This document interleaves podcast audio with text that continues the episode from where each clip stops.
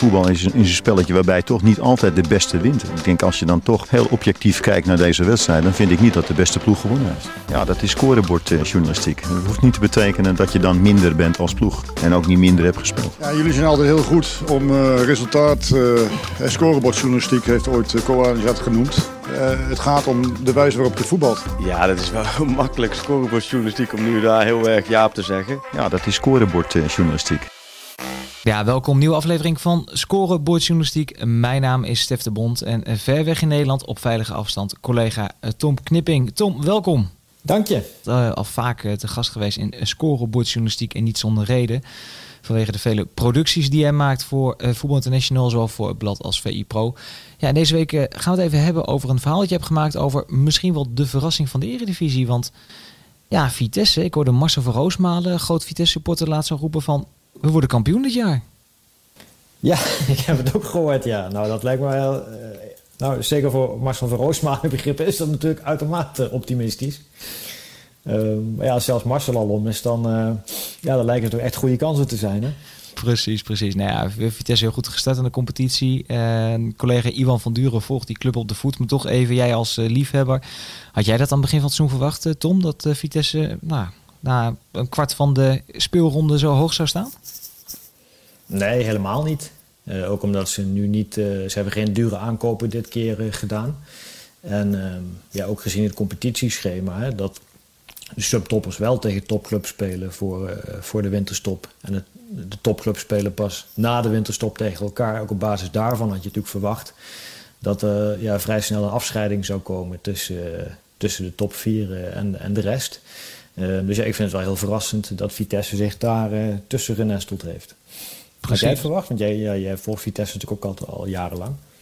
Nee, nee, totaal niet. Maar ook omdat we niet precies konden wisten wat we konden verwachten van de nieuwe technisch directeur, nieuwe trainer. Ik weet dat ze ook de Nederlandse markt bekeken hebben. Eerst was het bijvoorbeeld Art Langelen in beeld om daar uh, technisch mannen laten trainen te worden. Nou, ze komen oh ja? ja? ja, dat hoorde ik uh, van de week toevallig. Um, en dan komen ze uit in die, op die Duitse markt. En dan is het afwachten. Hè? Dan is het van uh, hoeveel invloed gaan die mannen hebben? Hoe snel kunnen ze hun uh, voetbal implementeren? Nou, dat ziet er ontzettend goed uit. Maar jij hebt niet geschreven over uh, de sportieve prestaties van Vitesse. Uh, had je zeker kunnen doen. Maar jij bent even in de boeken gedoken. Want ja, dat is misschien minstens zo interessant. Want ja, ze liepen nog niet de Polonaise in, in Arnhem, hè? Maar 4 miljoen verlies afgelopen boekjaar. Ja, dat is voor Vitesse begrippen een toch behoorlijk hoogtepunt inderdaad. Want Vitesse is, ja, dat weet iedereen natuurlijk wel, tien jaar geleden overgenomen door een buitenlandse partij. We zijn nu inmiddels tien seizoenen verder en het is ja, bijna traditie in het najaar dat er gigantische verliezen worden gepresenteerd. ze hebben één keer winst gemaakt overigens, dat was geloof twee jaar geleden, toen ze in Europa League groepsfase speelden en ook een heel goed transferjaar hadden. Maar over het algemeen is het een bloedbad van, eh, van rode cijfers. Um, en nu was het maar 4 miljoen verlies, ook nog in een coronaseizoen. Uh, dus ja, dat, dat, dat vonden ze bij Vitesse een bemoedigend uh, resultaat. Ja, en nu, nu ben jij goed ingevoerd in het uh, financiële wezen van de Nederlandse profclubs. bij elke andere club zou er toch een soort van kritische kanttekening worden geplaatst als je bij 4 miljoen verlies positief gestemd zou zijn. Nou ja, Vitesse is natuurlijk een hele aparte club eh, die eigenlijk al jarenlang gewoon ver boven zijn eh, stand uh, leeft. We hebben in het VI-artikel van komende week ook even de totale rekening van de Russen in kaarten gebracht. En in tien jaar is er 112 miljoen euro bijgelegd. Dus het netto verlies van Vitesse over tien jaar is 112 miljoen euro. Dat is natuurlijk gigantisch. Dat betekent dat ze per jaar ongeveer de begroting van Willem II tekort komen. Um, alleen, uh, er is wel één groot pluspunt voor Vitesse. Dat is namelijk dat de eigenaar uh, de tekorten bij voorbaat voor twee seizoenen iedere keer afdekt. Uh, dus ja, het slaat eigenlijk nergens op als je gewoon kijkt, inkomsten, uitgaven, Vitesse, het kan absoluut niet. Alleen het wordt nu eenmaal gefinancierd, het geld is gegarandeerd. Daardoor is er eigenlijk geen probleem. Um, dat is wel, wel vaak een misverstand volgens mij wat bij Vitesse een beetje uh, leeft. Dat het ook een hele ongezonde club zou zijn. Ja, dat is dus eigenlijk niet het geval. Want de Russen garanderen van tevoren gewoon al dat ze die tekorten gaan dekken. En ja, die luxe hebben bijvoorbeeld de clubs zoals Herenveen en Groningen niet. Hè. Die werken ook met operationele tekorten, met begrotingstekorten. En die moeten dat ieder jaar inlopen met, met transfers. Dus daar is de, de begrotingstekort is daar wel kleiner dan bij Vitesse. Maar de druk is bij die clubs eigenlijk veel groter. Omdat zij niet vooraf die dekking hebben voor het geld. Uh, dus ja, dan moet je uh, bijvoorbeeld, als je het geld niet hebt moet je, en je maakt, geen goede transfers, dan moet je dat bijvoorbeeld gaan lenen als, als clubdirectie. Ja, daar heeft, daar heeft Vitesse allemaal ja, geen last van. Het wordt om de een of andere reden toch iedere keer allemaal bijgepast. Op die een of andere reden wil ik zo zeker nog even terugkomen. Maar jij zegt niet ongezond. Ik volg je volledig. Maar wij beredeneren er ook vaak vanuit uit logisch oogpunt van dat het ongezond is om meer geld uit te geven dan dat er binnenkomt. En dat dat een club ongezond maakt. Het is toch meer dat ze niet in grote ja, paniek komen. Ja, ongezond van. Nee, precies. Het is, met ongezond bedoel ik ze, lopen geen risico bijvoorbeeld om om te vallen of om, om failliet te gaan. Want de eigenaar heeft nu uh, gezegd, ja, tot minimaal 2022 sta ik gewoon garant voor, uh, voor, de, voor de tekorten. Uh, dus ja, Vitesse heeft gewoon zekerheid dat dat geld komt. En vaak wordt ook voor het seizoen wordt er al heel veel op de bankrekening gezet. Dus in dat opzicht bedoel ik, zijn ze niet ongezond. De grote vraag is natuurlijk, als die eigenaar ooit stopt, hoe moet het dan verder met Vitesse? Want dan moet je natuurlijk gigantisch veel versnellingen gaan terugschakelen. Precies. Nou, ik weet nog in het begin dat uh, 2010 werd het over had. Toen uh, Merab Jordania binnenkwam. Dat later een, een zetman bleek. Maar die kwam toen binnen dat er ook heel veel uh, sponsoren uit de regio wegvielen. Dat heel veel lokale ondernemers dachten van ja, het grote geld is binnengekomen. Wij hoeven niet meer. Kun je, kun je ons meenemen? In hoeverre zit het goed met de inkomsten van Vitesse? Kijk, dat ze veel uitgaven hebben, dat weten we. Maar als je dat vergelijkt qua inkomsten, zitten ze dan op het niveau van pakweg AZ, waar ze graag naartoe willen. Uh, nee, bij, bij, lange na niet. Kijk, Vitesse, uh, toen ze werden overgenomen destijds, zaten ze in een hele moeilijke fase. Hè. Het was knokken tegen degradatie, voortdurend uh, geldproblemen. Toen zijn ze in 2010 gekocht. Toen hebben ze wel een opmars gemaakt naar, de, naar de subtop van de, van de eredivisie. Het is nou niet zo dat ze jaarlijks Europees voetbal spelen. Ze hebben één keer de groepsfase gehaald. Ze hebben een KNVB-beker gewonnen. Maar ze worden wel gerekend tot de top 6. Hè? Vandaar ook dat ze bijvoorbeeld mee mogen doen aan die besprekingen over die Beneliga. Dus er is wel, ja, aantoonbaar zijn de resultaten gewoon veel beter geworden. Alleen dat heeft niet geleid tot een explosie van van de inkomsten. Die zitten bijvoorbeeld nog altijd onder het niveau van, uh, van FC Groningen, 3, 4 miljoen euro. Dus FC Groningen heeft ja, uh, minder goed gepresteerd, maar die halen dus wel veel meer inkomsten op. En als je dan kijkt waar ze naartoe willen, eh, AZ bijvoorbeeld, ja, die hebben bijna dubbele inkomsten. Hè. Vitesse had afgelopen jaar een omzet van 16 miljoen en eh, AZ had 31 miljoen. Dus dat zijn gigantische verschillen. Dus die, die, die omzetten zijn niet heel erg gegroeid. Maar ik weet niet of dat komt zeg maar, door de buitenlandse eigenaar. Want ook voor die buitenlandse eigenaar was, was het niet zo dat Vitesse dankzij heel veel sterke lokale sponsors een enorme omzet had. die was toen toch aanmerkelijk minder bijvoorbeeld dan dat hij nu is. Er wordt al vaak gezegd, hè, dat ligt omdat het achterland dan afhaakt. Um, maar ja, dat, dat, dat zie ik niet zo. Want ook zeg maar, voor de komst van die buitenlandse eigenaar was Vitesse al een club met een uh, ja, toch wel vrij beperkte omzet. Ja, dus eigenlijk eh, heeft het misschien niet zo veel te maken met, die, met het achterland en met wat er gebeurd is. Maar misschien is het ook wel gewoon de club Vitesse. Er wordt vaak teruggewezen naar de tijd Karel Albers, waar alles kon en het stadion vol zat. Maar het is ook maar een momentopname geweest als je over de jaren kijkt. Ja, ja, wat natuurlijk wel zo is, je had toen wel een aantal lokale investeerders. Hè? Dus Snellenburg en Veenendaal, zeg maar, die groep. Die de vrienden van Vitesse. In de stak. Ja, vrienden van Vitesse. Ja, dat valt natuurlijk wel helemaal weg als je een rijke eigenaar hebt die van tevoren al zegt van ja, ik leg toch voor twee jaar alles bij. Ja, dan vallen dat soort uh, sponsoren, ja, die, die komen dan natuurlijk niet meer terug die, die denken dan ook van ja, die meneer Moskou betaalt alles, dus waarvoor zou ik nog iets moeten neerleggen? Precies, precies. Even op de kosten gericht. Want je hebt een, eh, een tabel erbij staan over de loonkosten. Uh, ja, die zijn gedaald naar uh, eh, 14,1 miljoen euro. Ja, dat vind ik nog steeds heel erg veel geld voor, uh, laten we zeggen, de vijfde club van Nederland.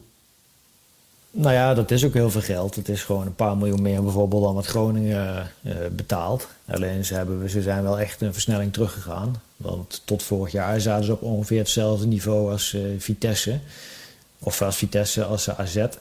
Ehm, dus ja, dat is wel duidelijk verminderd. En dat komt ook door, gewoon door uh, ja, een reorganisatie die ze hebben doorgevoerd. Hè. Dus dat is bij Vitesse wat minder in het nieuws gekomen dan bijvoorbeeld bij Groningen en, en. Maar ja, bij Vitesse zijn ook gewoon iets van 30 arbeidsplaatsen uh, verdwenen.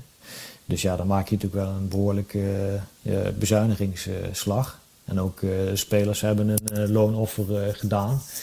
Ehm, ze hebben natuurlijk subsidie gehad van van de overheid. Ehm, dus dat zijn allemaal factoren waardoor de, ja, de salarispost uh, wat lager is uitgevallen in het afgelopen seizoen. Uh, maar dat wil natuurlijk niet zeggen dat het allemaal op de eerste, bij de eerste selectie is wegbezuinigd. Maar als je nu kijkt, waar staan ze dan in de eredivisie, dan zitten ze ongeveer op hetzelfde niveau als, als FC Utrecht. Dus dan zit je inderdaad rond die vijfde, zesde plaats. Maar ja, het is wel zo dat ze vorige jaren echt wel gelijke tred hielden met AZ. En dat is dus niet meer zo. Um, maar ja, als je er nuchter naar kijkt, eh, zonder uh, meneer Moskou zou dat natuurlijk absoluut uh, nooit kunnen. Want bij Vitesse is het regelmatig zo dat in de afgelopen tien jaar is het regelmatig zo geweest dat de loonkosten de totale omzet overstijgen. Dus met andere woorden, alleen aan salarissen wordt er dan al meer uitgegeven dan dat ze überhaupt verdienen in een jaar. Ja, dat zie je in Nederland eigenlijk nergens anders. Dat, dat, dat kan alleen bij, bij, bij Vitesse. Um, dus ja, als je het zo bekijkt, dan is wat bereikt is met Vitesse hè, in 10 jaar, 112 miljoen verlies, uh, gigantische risico's uh, met, met salarissen. Ja, dan zou je ook kunnen concluderen van ja, één keer groepsfase Europa League, dat is dan eigenlijk wel een beetje een magere score, gezien het geld wat allemaal is uitgegeven. Precies, precies. In eerste stuk las ik ook over de personeelskostenratio. Uh, neem ons even mee, want dat is eigenlijk een, een soort van, van meter. Ja, dat is een beetje jargon. Uh, is een jargon, maar dat is een belangrijke indicator van de KNVB en de UEFA. Zij uh, kijken van nou, hoe vitaal is een club, hoe gezond opereren ze. En hun stelling daarbij is altijd dat, dat een club gezond bezig is als zij van elke verdiende euro maximaal 65 cent uitgegeven aan, aan, aan salarissen. Nou ja, dat is bij Vitesse dus regelmatig uh, ja, uh, meer dan 100 cent per euro. Dus ja, dat, dat is natuurlijk, uh, ja, dat, kan natuurlijk, dat zonder eigenaar natuurlijk nooit vol te houden. maar bijvoorbeeld ook afgelopen seizoen, ondanks al die zware bezuinigingen, zitten ze nog steeds op een personeelskostenratio van 88% Dus dat betekent dat van iedere euro 88 cent naar salarissen gaat. En dat is nog altijd ver boven de, ja, de norm die de UEFA en de KNVB eh, graag zouden zien. Dus ja, ondanks de bezuinigingen zijn ze wat dat betreft nog steeds uh, hebben ze de meest ongezonde personeelskostenratio van Nederland. Nou, dat zijn, uh, dat zijn flinke percentages inderdaad. Uh, in het verleden hebben wij wel eens geschreven over financial fair play. Hè? Dat ging dan over de operationele resultaten van de club. En dat de, de werd op een gegeven moment zelfs gedreigd als Vitesse nog één of twee slechte jaren draait, dan worden ze uitgesloten van Europees voetbal. Dat is uiteindelijk nooit gebeurd. Ja, Vitesse heeft vaak rond die grens gezeten inderdaad. Hè. De UEFA die heeft, uh, dat was eigenlijk de, de, periode dat Vitesse werd overgenomen, kwam er ook nieuwe regelgeving van, van UEFA. Uh, dus wat zij wilden was dat ja, een club die uh, 20 miljoen verdiende niet 100 miljoen ging uitgeven, bijvoorbeeld om de Champions League uh, te halen. De UEFA wilde bereiken dat de uitgaven enigszins in verhouding staan tot de omvang van een club. Hè, qua tv-gelden, qua sponsoring, qua supporters. Um, dus dat werd een jaar of tien geleden ingevoerd. En net in die periode kwam Merab Jordania. Ja, die, die, ja, die bereikte de eerste paar jaar meteen gigantische tekorten. Tot geloof ik wel 20, 25 miljoen euro per jaar. Dus Vitesse zat meteen in de, in de gevarenzone. Um, dus ging Jordania weg in 2013. Toen zijn ze wel in geslaagd om die tekorten iets terug te dringen. Maar ze bleven toch altijd wel op de radar van de UEFA. Dus dat is altijd een spanningsveld voor, voor Vitesse. Um, het probleem van Vitesse is vooral het operationele tekort. Dus dat is het tekort exclusief transfers. Hè, wat je per jaar uh, verdient aan bijvoorbeeld uh, seizoenkaarten, sponsorinkomsten, verhuur van skyboxen, horeca, et cetera. Dat is je omzet. Hè? Mm -hmm. En er staan dan de kosten tegenover. Dus salarissen, huur voor het stadion, et cetera. En ja, daar heeft Vitesse echt vaak ja, gigantische tekorten. Um, dat was afgelopen jaar was het ook weer iets van 8 miljoen en het jaar ervoor 13 miljoen. Ja, met dat soort aantallen zit je heel snel in de gevarenzone voor financial fair play. Dus Vitesse moet het altijd enigszins zien te dichten uh, met, met transfers. dan kun je, als je dan toch een paar spelers uh, goed verkoopt, dan, ja, dan kan dat het operationele tekort een beetje compenseren. Ehm, en daardoor valt je nettoverlies wat lager uit. En dan, ja, dan, dan, dan zit je wat beter voor die financial fair play. Nou, dat is afgelopen jaar dus wel gelukt. Hè? Want ze hadden een tekort van 8 miljoen voor 4 miljoen spelers verkocht. Dus dan kom je uit op een verlies van 4 miljoen. Ja. Nou ja, dat, dat, dat is voor de UEFA niet zo'n probleem.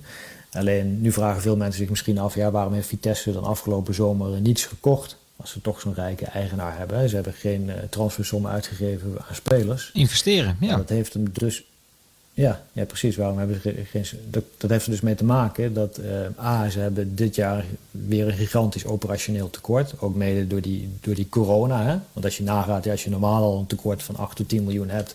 en dan komt er ook nog een seizoen lang uh, lege stadions overheen. ja, dan zit je natuurlijk op uh, gigantisch in het rood. en daar kwam dus bij dat Vitesse afgelopen transferperiode geen enkele speler heeft verkocht. Dus ze hebben daar dit seizoen nog geen spelersverkopen tegenover kunnen zetten. Dus ze kunnen dat operationele tekort op dit moment nog niet compenseren. Ja, dan kun je dus eigenlijk ook geen risico nemen met extra aankopen. Want als je naast je operationele tekort ook op de transferbalans een verlies schrijft, ja, dan valt je netto verlies zo hoog uit dat je natuurlijk meteen weer in de problemen komt met die uh, financial uh, fair play. Dus ik denk dat Vitesse er veel aan gelegen is om in de, in de winterstop, of in ieder geval voor de sluiting van het boekjaar, dat is altijd op 30 juni, om een, uh, een speler te, te verkopen. Ja, dat is wel interessant. Hè? Dat is ook vaak waarom uh, aan het einde van het seizoen zien we dan wel eens transfers plaatsvinden voor die 30 juni. Hè? Dat, dat, dat dat al in ieder geval in de boeken kan staan. En dat heeft eigenlijk alleen deze reden, hè? omdat het boekjaar dan afgesloten wordt en dan kunnen ja, clubs dat meenemen. Ja, exact. En de UEFA kijkt ook naar die, uh, naar die boekjaren. Nu is het wel zo dat de UEFA het iets versoepeld vanwege corona. Maar ja, dus voor Vitesse is het belangrijk om in het boekjaar een transfer te doen. Zodat, zodat het verlies niet te hoog uitvalt. Want ja, de, eigenlijk de enige manier waarop Vitesse zwarte cijfers kan schrijven is en groepsfase Europa League uh, en goede transfers. Uh, als je een van de twee hebt, dat is al onvoldoende. Zo zwaar staat Vitesse elk jaar in het, uh, in het rood. Ik, moet eerlijk zeggen, ik begrijp het ook nog steeds niet hoor, waarom die Russen er zoveel geld in duwen. Uh, als je daar geen rendement mee haalt. Hè, want ze hebben toch uh, in de loop der jaren aan subtopspelers uh, ja, tonnen meer betaald dan bij Herenveen en, en, Groningen. Maar het levert niet uh, heel vaak Europees voetbal op. Of heel vaak een, een, bekerwinst, weet je wel. Dat lukt Pek Zwolle of Groningen ook wel een keer met, met minder zware investeringen. Ja, Tom, laten we filosoferen. Maar dit, dit is een terugkerend gesprek. Hè. De laatste tien jaar heel vaak gedaan. Want nou, Vitesse werd overgenomen door, uh, door de Russen, zo gezegd. Jordania, Tjigirinski. Nu is het Valerie Oif, volgens mij, die officieel de club in handen heeft. En ja, er is nooit echt uitgesproken wat nou het doel is. Hè. Kijk, Jordania die had het nog over landskampioen worden en de Champions League in met Vitesse. Ja, de huidige beleidsbepalers, ja, die hebben mij nooit kunnen uitleggen wat ze precies van plan zijn. En waarom je dan, ja, wat je al opschrijft, uh, de 144 miljoen in die club hebben gestoken. Nee, nee kijk, bij andere uh, clubs die zijn overgenomen, daar was in ieder geval het businessmodel duidelijk. Hè? Uh, je had ADO, die werd overgenomen door uh, de Chinezen. Nou ja, daarvan heeft de eigenaar ook gezegd, we wilden bijvoorbeeld, dus niet goed uitgepakt, maar het idee was in ieder geval Chinese speler dan bijvoorbeeld in Den Haag neerzetten of Haagse trainers naar China brengen om daar met subsidie allerlei projecten te gaan doen. bij Fortuna zegt Gun, je ziet dan Gun, de eigenaar, nou ja, dat ze in een soort transfercircuit zitten. Hè, dat ze met aan- en doorverkoop van spelers op die manier winsten willen behalen. Um, dus dat is wel vrij duidelijk. Alleen bij Vitesse is het businessmodel gewoon totaal onduidelijk. het enige wat je in het begin een beetje... Er is 112 miljoen, uh, is 112 miljoen verloren. Ja, hoe denkt de eigenaar dat uh, terug te gaan verdienen? Dat snap ik gewoon niet zo goed. Dus kijk, stel je haalt nu... Vitesse trekt goede resultaten van dit seizoen door... en ze behalen de Champions League. Ja, dat is leuk. Dan verdien je 25 of 30 miljoen een keertje. Maar ja, dat is natuurlijk daarmee haal je alle kosten niet meer terug. Hè? Of als de club wordt doorverkocht, daarmee haal je ook geen 112 miljoen uit. Uh, maar toch blijven ze op dezelfde manier uh, te werk gaan. Hè, er is nu door corona natuurlijk afgelopen seizoen wat uh, bezuinigd. Maar het is ook niet zo dat ze het volledig terugschroeven naar, naar break-even. Sterker nog, ze zeggen gewoon iedere keer van ja, de komende twee jaar blijven we gewoon alles dekken. Dus het is een soort, eigenlijk een soort bodemloze put Een soort Bermuda-driehoek, waar het ene en het andere Russische miljoen in, in verdwijnt. En er komt niet zo gek veel voor terug. Want zelfs dus als je Europa League haalt, ja, dan heb je 5, 6 miljoen uit de groepsfase. Maar dat is, dat is niet voldoende om het operationele tekort mee, uh, mee te dekken. Dus ja, voor mij blijft dat een uh, intrigerende vraag. Wat nu eigenlijk het businessmodel is van die, van die eigenaar. Of eigenaren. Ik weet ook niet precies hoe je het moet zien hoor. Ze hebben natuurlijk op papier hebben ze de afgelopen tien jaar drie eigenaren gehad. Hè? Jordania, Sigirinski en, en. Ja, waren dat echt drie verschillende eigenaren of uh, drie verschillende poppetjes van hetzelfde consortium? Het valt in ieder geval op dat ze alle drie exact hetzelfde te werk gingen. Namelijk uh, veel meer uitgeven dan er binnenkwam. En iedere keer garanties afgeven voor, voor twee jaar. Precies, precies. Dus het, beleid is hetzelfde gebleven. Ja, de enige link die ik ook tussen de drie mannen altijd heb kunnen leggen is Roman Abramovic, de eigenaar van Chelsea. En dat is ook het enige wat we wel weten. Dat toen Jordania wegging, uh, die werd weggestuurd letterlijk. Die had gewoon veel te veel geld uitgegeven. Die zei letterlijk van, uh, wij zijn hier eigenlijk alleen maar om spelers van Chelsea een podium te bieden. Uh, ja, om die jongens eh, beter te maken. Misschien de transferwaarde wat op te krikken. Dat was op dat moment dan best een plausibel verhaal. Maar de laatste jaren is het ook niet meer zo dat we vijf, zes huurlingen van Chelsea bij Vitesse zien spelen. Dat zijn er ook een stuk minder geworden. Ja, ja, precies. En dan nog, hè, dan kan er een link zijn met Abramovic. Maar dan nog, op welke manier wordt die 112 miljoen dan uh, terugverdiend? Dat, dat, dat snap ik ook gewoon niet zo goed. En uh, ja, ik heb het in de loop der jaren ook al vaak gevraagd uh, bij andere clubs hoor. En ook aan, directies van andere clubs. Maar ja, niemand, niemand heeft echt een idee ja, hoe, hoe het precies werkt en wat, wat de gedachte daarachter is. bij de KNVB volgens mij ook niet. Uh, ik, weet, ik, weet, niet of de directie van Vitesse het eigenlijk zelf weet. Uh, ja, wat, ja wat, wat hier eigenlijk nou precies uh, de bedoeling van is. Maar hoe zorgelijk is Want dat ja, dan? Ik bedoel, als, jij dit, als je deze kosten eruit wil halen, dan zou je dus af en toe in de Champions League moeten gaan spelen. Ja, dat is een sprong natuurlijk die, die je nooit gaat maken. Met, met, dus dan, dan zou er nog veel meer ingestoken moeten worden. En ook AZ, die wel regelmatig Europa League dan in ieder geval speelt, ja, die is nu ook behoorlijk uh, ver uit het zicht, die club in alle opzichten. Uh, dus ja, dan ben je eigenlijk met hele grote investeringen, een soort vijfde, zesde plaats, met af en toe uitgeschakeld worden in de voorronde van Europa League bij aan het financieren. En ook aan transfers wordt ook niet superveel verdiend. Weet je wel, dat is één jaar geweest, dat, dat jaar 2017, 18. Toen hebben ze heel goed verkocht. Dan hadden ze een positief transferresultaat van 15 miljoen. Ja, als dat ieder jaar zou lukken, zou het natuurlijk aantrekkelijk zijn. Maar dat is ook niet aan de orde. Want het jaar daarna maakten ze bijvoorbeeld weer een verlies van 3 miljoen. En het vorig seizoen was het dan een plus van, van 4 miljoen. Ja, dat zijn natuurlijk geen bedragen waarmee je al die investeringen eruit gaat halen. Als je over 10 jaar kijkt, heeft Vitesse 32 miljoen winst gemaakt op transfers. En er staat een operationeel tekort van uh, 144 miljoen tegenover. Uh, ja, dus dat lijkt me nou niet echt rendabel. Kom je onderaan de streep op uh, min 112 miljoen euro volgens mij. Ja, zo kom je op die min 112 miljoen, ja. En dat is wel flink. Dat is, maar hoe, erg, hoe zorgelijk is het eigenlijk, Tom? Want het gekke is, de, er is veel over geschreven. Ook wij hebben er vooral veel over geschreven. Dat geldt voor jou, collega Iwan van Duren, ikzelf, in de loop der jaren. En er was best wel veel over te doen. Maar ik hoor de laatste jaren eigenlijk niks meer over dit verhaal. Het is, het is bijna een beetje ingeburgerd dat het bij Vitesse gaat zoals het gaat. Dit, dit is het. Uh, deze club voert op deze manier de beleid, zijn beleid uit en, en klaar ermee.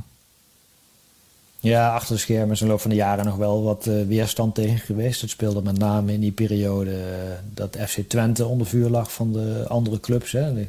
Toen FC Twente natuurlijk grote financiële risico's had genomen. op een gegeven moment kwam het allemaal naar buiten. Hè. Uh, toen vonden de overige 17 clubs dat zij een compensatie moesten krijgen van FC Twente. Kun je dat nog herinneren, een paar zeker, jaar geleden? Zeker.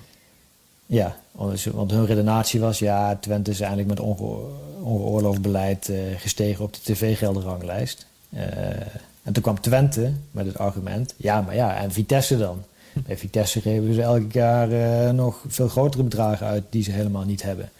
Is dat dan geen competitievervalsing? Die, die discussie ontstond toen wel een beetje... En toen was toch de conclusie in de ECV ook, nou nee, Vitesse is net geen competitievervalsing, omdat daar het geld in ieder geval gedekt is. En dat was bij Twente niet het geval.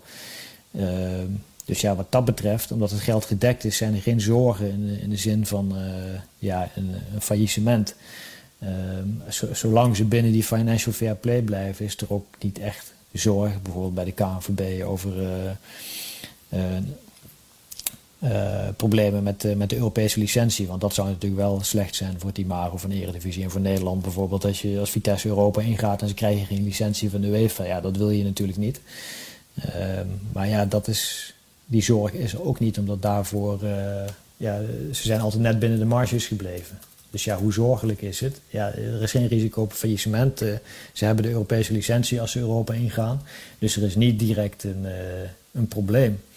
En de enige zorg die je zou kunnen hebben is, ja, ehm, wat vind je van het image dat een club is overgenomen door een Rus die er nooit is. En die om een of andere reden daar geld in pompt wat niemand kan verklaren. Ja, dat is misschien wel een zorg. Ik kan me tegelijkertijd voorstellen dat de supporters die dan nu niet in Gelredome mogen zijn, dat helemaal geen zorg meer is. Hè? Want die, die kijken nu eigenlijk naar een winnend Vitesse. Die vinden het leuk. En ja, dan maakt het ze waarschijnlijk niet uit hoe het gefinancierd wordt. Nee, dat is, dat is de, precies, dat speelt nooit. Ik kan me nog herinneren bij Roda, toen dat speelde met die, eh, met die Russische schoonspringer... die in de gevangenis zat daar in het Midden-Oosten ergens. Dat er ook allemaal spandoeken bijvoorbeeld bij Roda hingen van Free, uh, free uh, Korotayev, zo heette die man. Ja. Um, dus dat is altijd als er een man komt met geld die de club hoger op kan brengen... ja, dan, dan, ja, dan is er misschien altijd een heel klein groepje romantici die daar kritisch over is. Hè, wat je bij Manchester United ooit zag, die dan een eigen clubje gaan beginnen. Maar dat is maar een hele kleine uh, minderheid hoor. En het is natuurlijk ook gewoon ingeburgerd in de, in de loop der jaren. Obra Abramovic zijn overname van Chelsea, dat is alweer bijna twintig jaar geleden. Uh, dus ja, private investeerders, dat is, dat is ook veel meer gemeengoed geworden. Uh, en je kan je ook afvragen wat slechter is. Hè? Uh, wil jij een private investeerder die vanuit Moskou geld stort? Of wil je een soort social model als Barcelona? Maar ja, dan loop je dus het risico wat je nu bij Barcelona ziet. Dat ook allerlei ongeoorloofde uitgaven worden gedaan. En niet met zijn eigen geld. Maar gewoon met geld van de club. In een poging om herkozen te worden. Waardoor die hele club nu op de, op de rand van de afgrond uh, balanceert. dus ja, ik moet zeggen, ik heb zelf mijn mening daar in de loop van de jaren ook wel een beetje over bijgesteld. Ehm, ja, soms kun je misschien beter een eigenaar hebben die het met zijn eigen geld doet. Dan een voorzitter die eh, speelt met het geld van de club om een beetje goede sier te maken. Ja, wat was dat spandoek toen toch? Ik weet nog Vitesse ADO Den Haag. Iets van een spandoek van uh, liever een Rus die nergens ommaalt dan een Chinees die niet betaalt. Herinner ik me nog. Nou ja, Vitesse vind ik niet het goede voorbeeld hoor. Ik vind wel, uh, als je een private eigenaar hebt, die zou in mijn ogen wel moeten zijn. En ook gewoon uitleg moeten geven aan, uh, aan supporters van wat, wat, wat zijn doelstelling is uh, ja, met de club, hoe die erover denkt. En dat is bij Vitesse nooit aan de orde geweest. Daarom is er altijd iets schimmigs omheen blijven hangen. En dat heeft nooit iemand kunnen ja, wegnemen eigenlijk met, uh, door gewoon antwoorden te geven. Dus ja, we hebben nu, ja, ik weet niet jij of jij er iets wijzer over bent geworden de laatste tien jaar. Maar ik zit zelf nog steeds met dezelfde vragen als, als tien jaar geleden. Eens, ja, het enige wat ik al uh, zei, ik heb wel de indruk dat ook door de dingen die Jordania destijds gezegd heeft, ook toen die aangaf dat ze geen kampioen mochten worden omdat ze de Champions League in mocht, uh, zouden gaan en dan tegen Chelsea zouden spelen. Dat verhaal staat mij nog wel redelijk op het netvlies. Dat ik denk dat in die periode dat wel de intentie is geweest van Vitesse om ja, een soort van hub te worden voor, voor Chelsea. Maar waarom ze nog steeds doorgaan en waarom nog steeds uh, dit geld geïnvesteerd wordt, dat, uh, dat weet ik niet. En de, de, de, belangrijkste vraag, hoe lang gaat het nog door? Wat jij zegt, ze kunnen niet meteen omvallen. Het, het wordt gedekt. Dus, voor mij hebben ze ook al wat eigen vermogen inmiddels. Maar er moet toch ooit een keer een dag komen dat, dat de Russen ermee stoppen, voor mijn gevoel. Ja, en dat, is natuurlijk wel de vraag, wie neemt het over? Want je hebt natuurlijk nu bijvoorbeeld uh, vrij veel Amerikanen die clubs opkopen. Maar die kijken er heel zakelijk naar. Die willen gewoon een rendement. Dus die gaan het nooit op deze manier financieren. Ja, dan heb je de investeerders uit het Midden-Oosten. Die willen ja, vooral goede sier maken met bijvoorbeeld clubs in de, in de rijkste competities of de grootste competities ter wereld, de Premier League. Of als ze in een kleinere competitie iets wil koop, willen kopen, dan is het toch meer om, om in de Champions League te gaan spelen. dus ja, zo'n zo organisatie zie ik ook niet heel snel Vitesse kopen. Uh, ja, dus dan zou je een gek moeten vinden die uh, elk jaar uh, 10 tot 15 miljoen euro verlies wil, wil financieren. Ja, dat, dat gaat, dat, volgens mij kun je die nooit vinden. Nog zo'n nog, nog zo'n dwaas. Ik, denk dat er in, de, in dus, Nederland nog genoeg clubs zijn die ook op zoek zijn naar een dergelijke investeerder. En die hebben ze nog steeds niet gevonden. Nou ja, bij Utrecht heb je natuurlijk wel Frans van Zeumeren... die dan ook in de loop der jaren wel behoorlijk wat geld verloren is. Niet in dezelfde orde van grootte. Maar ja, daar snap je het dan nog. Omdat hij natuurlijk gewoon eh, een supporter is... die zich ook heeft laten leiden door emoties. En in het begin de voetbalwereld niet kende... en daardoor veel fouten heeft gemaakt. Dus hij heeft daar om die reden veel geld verloren. Uh, maar dit is gewoon... Ja, die, de eigenaar weet nu dat er gewoon ieder jaar gewoon uh, miljoenen bij moeten. Uh, en daar tekent hij gewoon ieder jaar keurig voor. Dus ja, ik denk dat het heel moeilijk is om als die eigenaar er ooit van af wil, om, uh, om zo'nzelfde type eigenaar uh, te vinden. Dus ja, dan is de enige manier is gewoon ja, weer enigszins in balans komen met je. dat, dat de uitgaven enigszins in balans moeten komen met de inkomsten. Ja, en dan is Vitesse ja, gewoon een club ergens tussen, tussen Groningen en PEC Zwolle waarschijnlijk. Dat is een harde conclusie. Wat dat betreft wil ik de supporters van Vitesse vragen vooral te genieten van de huidige successen. En uh, dan gaan we afwachten waar dat uh, eindigt, Tom Knipping. Dankjewel voor je tijd. Jouw verhaal staat komende woensdag uitgebreid in de Voetbal International. En is deze week ook te vinden op VI Pro. Uiteraard veel meer verhalen daar ook over 20 jaar naar het masterplan van Louis van Gaal. En tot slot, Tom, even toch Marcel van Roosmalen een beetje prikkelen. Vitesse kampioen dit seizoen? Nee, nee, nee, daar, nee, daar geloof ik niet. niet altijd de beste wint. Ik denk als je dan toch heel objectief kijkt naar deze wedstrijd, dan vind ik niet dat de beste ploeg gewonnen heeft. Ja, dat is scorebordjournalistiek. Dat hoeft niet te betekenen dat je dan minder bent als ploeg en ook niet minder hebt gespeeld. Ja, jullie zijn altijd heel goed om uh, resultaat. Uh, scorebordjournalistiek heeft ooit uh, Koan dat genoemd. Uh, het gaat om de wijze waarop je voetbalt. Ja, dat is wel makkelijk scorebordjournalistiek om nu daar heel erg ja op te zeggen. Ja, dat is scorebordjournalistiek.